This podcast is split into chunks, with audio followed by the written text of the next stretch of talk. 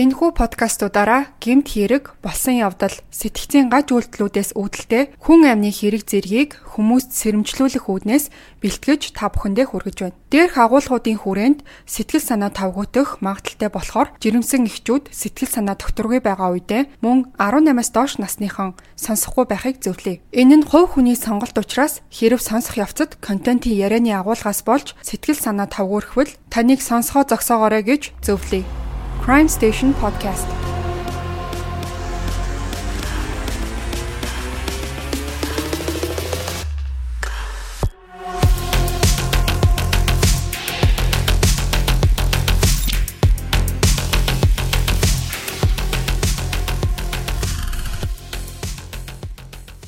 Сайн байцгаана уу сонсогчдоо. Ээлжит нэг подкаст маань та бүхэнд хүрэхэд бэлэн болсон байна. За тэгэхээр өнөөдрийн дугаараар одоо бас л нэг маш харамсалтай хэргийг та бүхэнд ярьж өгөхөөр бэлдсэн байна. За энэ удаагийн дугаар юугаараа онцлог юм бэ гэхээр за гэмт хэргийн хохирогч болсон 21 настай Сария гэх одоо эмэгтэйн аав нь бол Монгол харин ээж нь Америк иргэн юм байна. За Asian American гэж тодорхойлсон байсан. Мэдээж одоо хэрэг судлах явцад бол аавынх нь талаар багч болтгой мэдээлэл хайсан боловч огт олдоогүй. Ерөнхийдөө хэргийн талаарх одоо хохирогчийн ар гэрээс өгсөн сошиал сувгууд дээрх мэдээ мэдээлэл дээр зөвхөн одоо ээжийг нь дурдсан бас ээж нь л одоо бүхэл зургтын болон сошиал сувгуудаар яриа өгсөн бэлээ. Ядаж одоо аавынх нь нэрийг нь чултгой ингээд мэдэж авч ямарч чадсангүй. Та бүхэнд харагдж байгаа зураг дээр бол аав нь байгаа. Мөн энэ хэргийн одоо бүхий л мэдээллийг шүүж үзэхэд шүүх хурлын явцад бол аав нь ирсэн байгаа нь бол харагдчихсэн ч гэсэн бас л одоо тухайн одоо хүний талаарх ямар нэг мэдээлэл огт тавигдаагүй байсан. За би мэдээлэл цуглуулахын тулд бол Google-с за тэгээд Medium гэд аппликейшн байдаг. Бас нэг гэмт хэргийн подкаст болон Reddit гээд одоо төрөл бүрийн мэдээллийн одоо их сурвалжуудаас та бүхэнд мэдээлэл цуглуулж ингээд хүрэхэд бэлдсэн байгаа. За тэгэхээр ямар тач энэ хэргийн талаар Америкт ажиллаж амьдардаг ихэнх хүмүүс бол дуулсан бах. Saria Hildebrand гэх энэхүү эмэгтэй нь 2023 оны 8 сарын 6-ны өдөр амь насаа алдсан харамсалтай хэрэг гарсан байгаа. За түүнийг бол нөхөр нь буудаж амийг нь хөнөөсөн гэдэг нь бол тодорхой болсон. За тэгэхээр ямар ч байсан эхлээд түүний бол амьдралын замналаас нь яриагаа эхлүүлье. За энэ хүү хэрэг дээр би бусад хэргийг бодвол илүү нухацтай, за илүү жоохон яруу сандруу биш арай жоохон 50 ярихыг хичээх болно.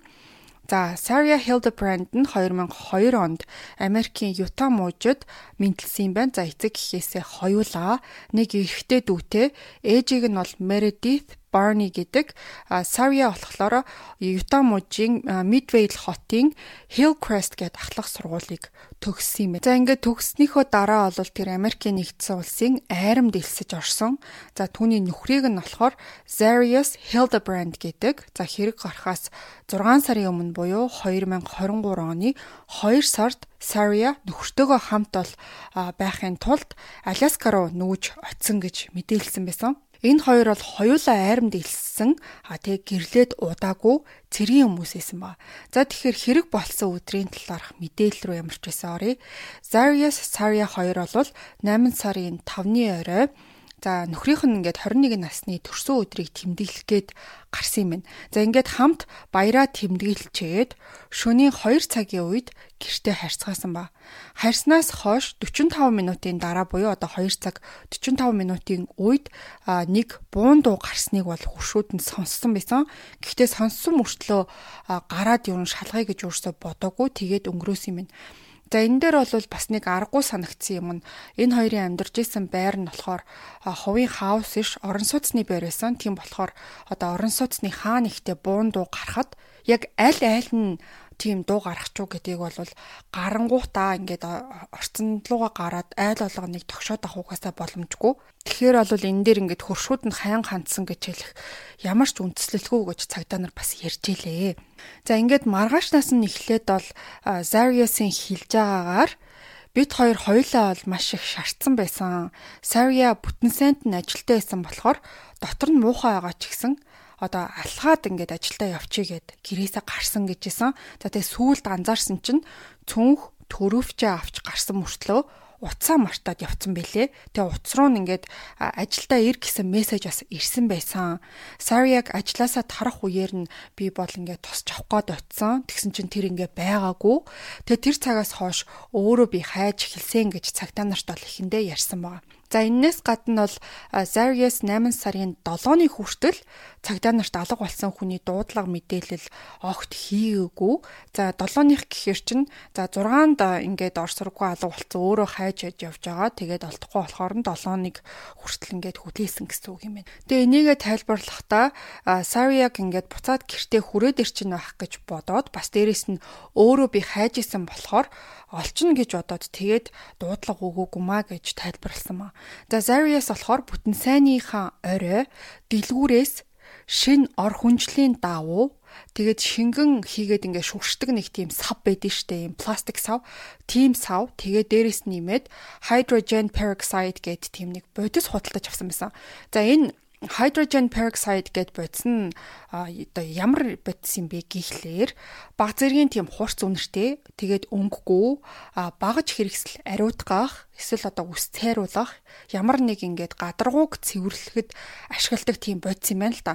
За тэгээ үүнээс гадна бол 96-гийн галлуун тийм хогийн сав буюу одоо гадаах ингээ гудамж цэвэрлэгэнд ашигладаг том оврын юм дугуйтай тийм одоо пяуэр тийм том сав дээ хогийн.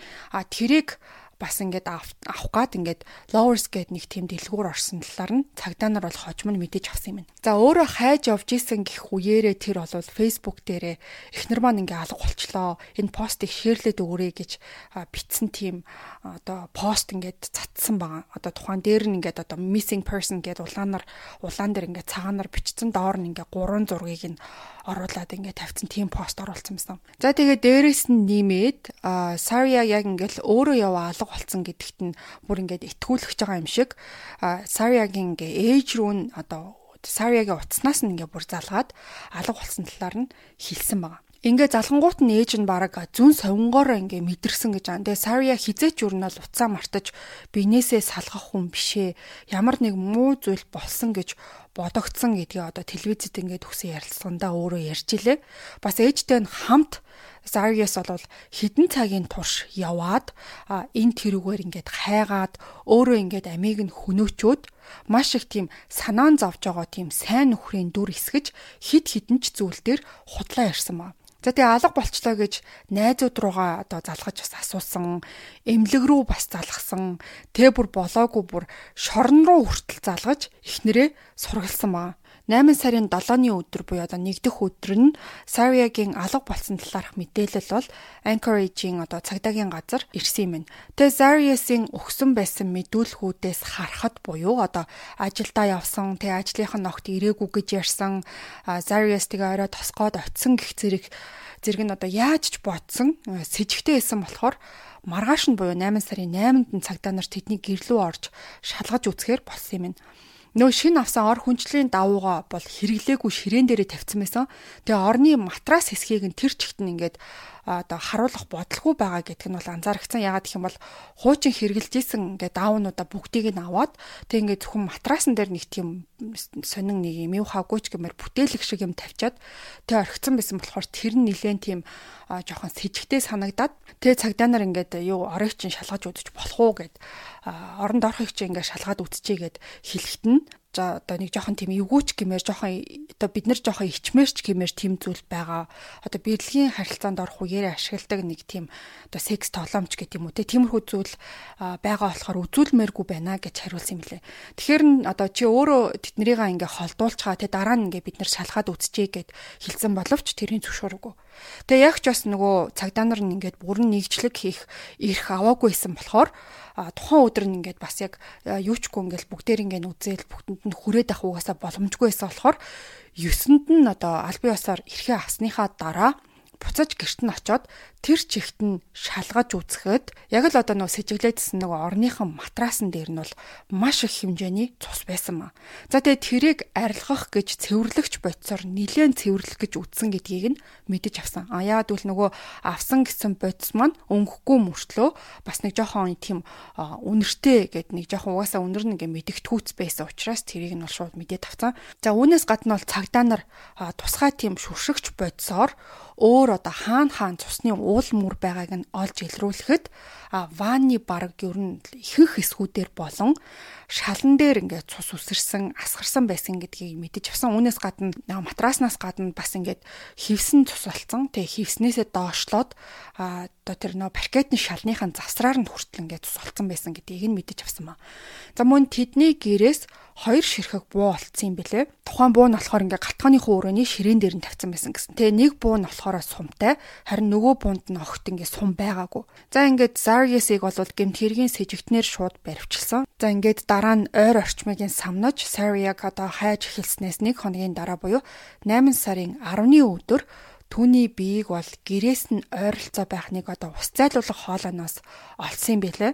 За хайлтыг болох юм бол цагдаа нар нөгөө хайлтын дрон ашиглаж хайхад гэрийнх нь ойролцоох нэг тийм ус зайлуулах хоолойны ойр ойр хавьд нь нэг тийм цагаан өнгийн одоо орд ирний хэрэгсэл юм шиг эсвэл нэг тийм дэр юм шиг. Ямар ч байсан ингээд харахад нэг юм хүн хөвтж байгаа. Тэгээд ингээд бүтээцэн ч гэмээр тэг ингээд одоо нэг тиймэрхүү байдалтай байхад нь бол олсон юм бэлээ За тэгээд Saria толгойнхоо зүүн хэсэгт нэг удаа будуулж амиа алдсан гэдг нь тогтоогдсон юм. За ингээд эхнэрийнхээ амийг хөнөөсөн хэрэгээр шүүх хурал хүртэл одоо 500 мянган долларын бонд тогтоогоод Anchorage-ийн шоронд түүнийг бол хорьсон байгаа. А түүнийг нэгдүгээр зэргийн хүн амны хэрэгт буруутгах байгаагаас гадна за хэргийг нуунд дарагдуулж худал мэдээлэл өгсөн. За мөн нотлох баримтуудыг устгахыг оролцсон гэсэн одоо нэмэлт зүйл ангаар яллахаар төлөвлөж байгаа юм лээ. За тэгэхээр энэ хэрэг дээр бол багахан анализ хийх гэж бас оролдъё. Ерөнхийдөө ингээд үйл явдал нь бол маш хурдан одоо болж үрнэсэн гимт хэрэгтэн ч гэсэн хурдан баригдсан хэдийгээр одоо Sariaгийн талаар маш бага мэдээлэл байгаа ч гэсэн за Монгол Автек гэдгийг нь сонсоод бас арай илүү ингээд судалж үзмээр санагдсанаа бас нуумаргүй байна. Яг энэ хүү дүгнэлтэн дээр бол нэг талыг хитрхи их баримтлахгүйгээр бас бүгдээрээ ингээд хамтдаа арай одоо уул суйртай дүгнэлт гарах гад ямар ч байсан үзье. Та бүхэн бас энэ хүү хэргийн талаар сонссныхоо дараа одоо юу гэж бодсноо заавал комент хэсэгт бичиж үлдээгээрэй. За нэгдүгээрт бол бидний одоо хинэн ч энэ хоёр залуухан хосуудын хооронд одоо чухам ямар яриа болж өрнөгөд те яагаад ингээ бууш хөөрч авч гал нийснийг бол огт мэдэхгүй за энэ хос хоёулаа нэг залуухан байгаа бас ч яг одоо сэтгэл санааны хувьд ч гэдэг юм одоо 30 гарсан хүний дайтай доктортой гэж бол хэлж чадхааргүй тийм насан дээрээ байгаа. Өөрийгөө одоо олох, өөрийгөө ойлгох, хүнийг таньж эхлэх насан дээрээ байгаа хүмүүс гэж бол ойлгож болохоор. За тэгээ шийдвэрийг бол илүү одоо хурдан гаргадаг, тэрэн дээрээ дараа нь ингээд харамсах үе дээрээ ингээд санаандгүй байдлаар одоо нэгнийхээ амь нацсанд хүрээд хин хинийх нь хувьд бол цаашдын ирээдүгүйж байхгүй болсон нь маш харамсалтай санагцсан. За үүнээс гадна Zargis гэх одоо залуугийн шүүх хурал бас нэлээдгүй хугацааны дараа болно гэж бодогдсон. За хамгийн гол нь бол хэргийг санаандгүй үйлдсэн үү, санаатай одоо алыг гэж үйлдсэн үү гэдэг дээр авах ялын хэмжээ бол мэдээж дээш доошогоо хэлбэлзэн. А та бүхэн мэдж байгаа нэгдүгээр зэргийн хүн амны хэрэг гэхээр бол санаатаагаар алыг гэж алсан одоо санаатаагаар хүний аминд хүрсэн явдлыг хилдэг. Харин хоёрдугаар зэргийн хүн амны хэрэг гэхээр одоо санамсаргүй байдлаар амийг нь хөнөөсөн гэсэн зүйл бол яригддаг. Дээр нэмээд бол энэ залуучин бүр ингээд хэрэгээ хүндрүүлээд баах одоо худлаа яриа явцсан. Тэгэхээр ямар тач баг ял бол оноохгүй байх гэж бодож байна. За миний бодлоор магадгүй одоо залуугийн өмгөөлөгч нь түүнийг санаандгүй байдлаар ингээд сум алдаат ч гэдэг юм уу те тийм байдлаар ингээд амийг нь хөнөөс ингээд хэрэгэ хүлээчхээ гэж зөвлөж бас магадгүй юм. Тэгэх юм бол одоо ялын дээд хэмжээ нэрэ багасах магадaltaй болчихно. За хоёрдугаар том асуудал нь гэх юм бол энэ хоёр хүн хоёулаа төрсөн өдөр тэмдэглэхдээ уусан гэж ярьж байсан. Тэгэхээр өөрөө ч мдээгүй үйлдсэн гэж ярих бас магадлалтай. Маргалдаад эцэст нь нэгнийхээ амийг хөнөөсөн гэж яригдах юм бол төрсөн өдрөө ерөнхийдөө хамт ингээд тэмдэглэгчээсэн бусад найзуудаас нь бас одоо угаасаа мэдүүлэг авах нь бол тодорхой. Мэдээж одоо ингээд юу гэдэг нь те баяр тэмдэглэх гэж гарахтаа мэдээж л баяр хөөртэй байхыг бодож л гарсан байх. Тэгээ дараа нь одоо юу болсон талаарх мэдээллийг бол одоо ингээд Zarius-аас өөр хүн мэдхгүй болсон гэсэн үг. За 3 дугаарт нь бол энэ залуу өөрөө эхнэрээ хүнөөчөөд яг одоо юу бодоод ингээ маргааш нь пост бичээд бас одоо ээжтэй нь яриад ингээ Сария алга болчлоо гэж ярьжсэн бас их сонин санагцсан.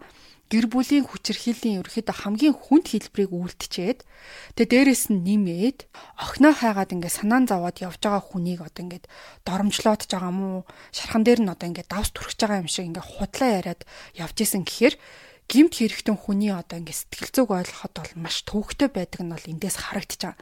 Тэгээ ээж нь хөөрхий охиноо алга болчлоо гэж ярингуут нь Ютагаас одоо Аляска руу ингээд шууд яваад юм лээ. Энэ хоёр бол хоорондоо 3720 км-ийн тийм зайтай тийм хол газар байсан. Тэгээ ингээд шууд яваад очсон. Сария болохоор айрамд эмнэлгийн хэсэгт нь ажилладаг байсан лээ. За байлдааны эмч гэх нь цаашаа ямар тач ингээд бас нөө эмнэлгийн хэсэгт нь одоо айрамд ингээд үүрэг гүйцэтгэдэг гэж ярьсан байсан. За тэгээд тухайн армийн одоо ажилласаа гадна бас тийм ээлжийн ажил нэг ресторанд бас ажилладаг байсан юм лээ. Тэгээд бүтэнсээ өдөр явах хэрэгтэй ажил гэдээсэн нь тэр ресторанд бас яг ажлынх нь ээлжний өдөр таарсан байсан юм байлээ. За энээс гадна бас нэг анзаарэгдсэн юм нь юу гэхээр 21 настай хүн цүнхээ бас төрөвчөө авчаад утсаа маштаад гарна гэдэг нь яавч угаасаа байх боломжгүй зүйл. Дор хаяжл одоо юу гэдэг төргөн тусламжийн дуудлага ирж магадгүй учраас энэ хүн чинь одоо нөгөө одоо эмнэлгийн албанд нь ажилдаг гэдэг аа штэ. Тэгэхээр ингээд төргөн тусламжийн дуудлага ирнэ мэдээлэл авах төхөөрөмж өөрт нь ингээд хамгийн ойр байх хэвээр. Тэрнээс гадна утасгүйгээр сошиал медиагүйгээр амьдрч чадах залуу хүн гэж одоо угаасаа бараг байхгүй штэ. Тийм болохоор уцаа марцсан гэдгээс эхлээд бүх зүйл муугийн дохой гэдгийг ээж нь угаасаа магадгүй ойлгосон баг. Нөхөр нь ч гэсэн одоо ингээд хийсэн хэрэгээ яаж өөрөөсөө бултуулах талаар юм ямар ч тийм юм бодоогүй мүү яг хөө тийм туршлага энэ төр угаасаа байхгүй л хаал та. Тэгээ улаан цайн баригдах юмн дээр ингээ худлаа яриад өөрөө ингээ хэрэгээ хүндрүүлсэн. Тэгээ тэр ярьж байгаа зүйлийг нь одоо ингээ бодоод ахад урднаас төлөвлөсөн аллага гэж хэлэхэд бол айгүй хэцүү. Яалтчгүй энэ хоёр хүний хооронд бол маш том маргаан үсээд тэгээд алсан гэдэг нь баг одоо тодорхой баха гэж би бол бодсон. Тэгээ бас Saria өглөө нь шартаад ингээ ажил руугаа машинаар явхад одоо жоохон хэцүү байна ингээ толгой эргээд. Тийм болохоор би ингээ алхаа явчих гэж ярьсан гэж нөхөр нь хэлснээс гадна уцаа мартаад явцсан гиснээ. 10 цаг одоо 45 минутын үед нь ажлынх нь хүн рүү Saria-гийн утаснаас мессеж ингээд очсон юм л да. За тэгээ тэрэн дээр нь болохоор би өнөөдөр ээлжиндээ гарч чадахгүй нэ гэж бичсэн байсан гэсэн. Тэгээ Zarius утсаар нь бичсэн гэдгийг нь угаасаа хинж ойлгохоор байгаа штэ. Тэгээ өөрийнхөө ингээд толгоодоо ботсон зүйлийг одоо өөр хин нэгэн гуравдагч итгээд ямар ч итгээд одоо ингээ илүү бодож сэтгэж чадахгүй гэж ботсон юм уу? Ямар таач ингээд бодит байдал болон ярьсан зүйл нь хоорондоо ямар ч уялдаа холбоогүй логик юусоо бараг байгаагүй. За тэгэхээр ийм нэг маш харамсалтай хэрэг байна. Шүүх хурлын топ бол одоогоор зарлагдаагүй байгаа юм билэ. Ямар ч энэ хэрэг эцэлж шийдвэрлэгдэх хүртэлх мэдээллийг манай сувгийн зүгээс болж өгөх юм бол одоо үнэн баттай их сурвалжаас мэдээлэл цуглуулж ахиж нэг дугаар бэлтгэж бол заавал хүргэнэ. Тэгэхээр мэдээж гимтэргийн одоо мөрдөн байцаалтын авц тэмч хурдан өрөндөггүй гэдгийг та нар бол бүгд мэдж байгаа. Тиймээс хин хин нь яаралгүй ямар тач одоо гэмт хэрэгтэн нь баригдсан байгаа болохоор бүрч тийм одоо удаан хугацаагаар хүлээлгэх нь бол ерөнхийдөө гайгүй бах. Маш харамсалтай ингээд нэг гэр бүлийн амьдрал тэр чигтээ сүрч ямар ч ирээдүггүй ирээдүйн тэр чигтээ ингээд төгсгөл болсон. За үүнээс гадна одоо амиа алдсан охины эцэг их болон одоо гэмт хэрэгтний эцэг ихийн зүгээс ч тэр харамсаад ч ингээд барахааргүй гашуун үйл явдал болсон юм байна. За тэгээд энэ хэрэг дээр одоо чухам ямар хүчин зүйл нөлөөлсөн, юунаас болж хэрэг үүссэн, дөнгөж одоо эхэлжсэн амьдрал яагаад ийм богинохон байсан бол гэх зэрэг олон ч зүйл танд бас бодогдсон баха. Ямар ч байсан энэ гэр бүлийн одоо аав нь Монгол байсан гэдэг дээр бол бүр илүү жоохон хүнд туслаа. Тэгээд ямар тач магадгүй одоо таньдаг мэддэг ч юм уу эсвэл хамаатан садных нь хүмүүс сонсож байгаа бол гүн эмгэнэл бас илэрхийлмээр байна. За ингээд энэ хэрэг явдал гарснаас хойш Saria-гийн ээж нь бол GoFundMe дээр хандив цуглуулах тийм аян бас өрнүүлсэн байгаа юм билэ. Би тухайн линкийг нь бас оруулчихъя. Тэгээд энээс гадна манай сувгийн зүгээс бас тодорхой хэмжээний мөнгийг бас тухайн одоо Saria-гийн дараа дараачийн зүйлс болон одоо шүүх хурлын үйл явц гэдэг юм уу те бас нэлээдгүй мөнгө мөнгөний асуудал шаардлагатай болдог. Тэрэн дээр нь бас нэмэрлэе гэж бас ботсон байгаа. За ингээд дугаар маань энд хүрээд өндөрлөх боллоо. Өнөөдрийн дугаарын хувьд мэдээлэл бага байсан болохоор арай тийм богино дугаар болсон баг. Гэхдээ та бүхэнд олонд ил болсон бүхэл зүйлсийг нь ямар ч гэсэн хүргэлээ. Дугаараа дуустал нь сонссон бүх сонсогчдод баярлалаа. Эх 7 хоногийн 2 дахь өдөр а яг хуваарийн дагуу бол энэ сарын хамгийн сүүлийн дугаар та бүхэнд 3 болсон явдлаар хүрэх болно. За тэгэхээр тэр хүртэл уулзлаа. Түр баяртай сонсогчдоо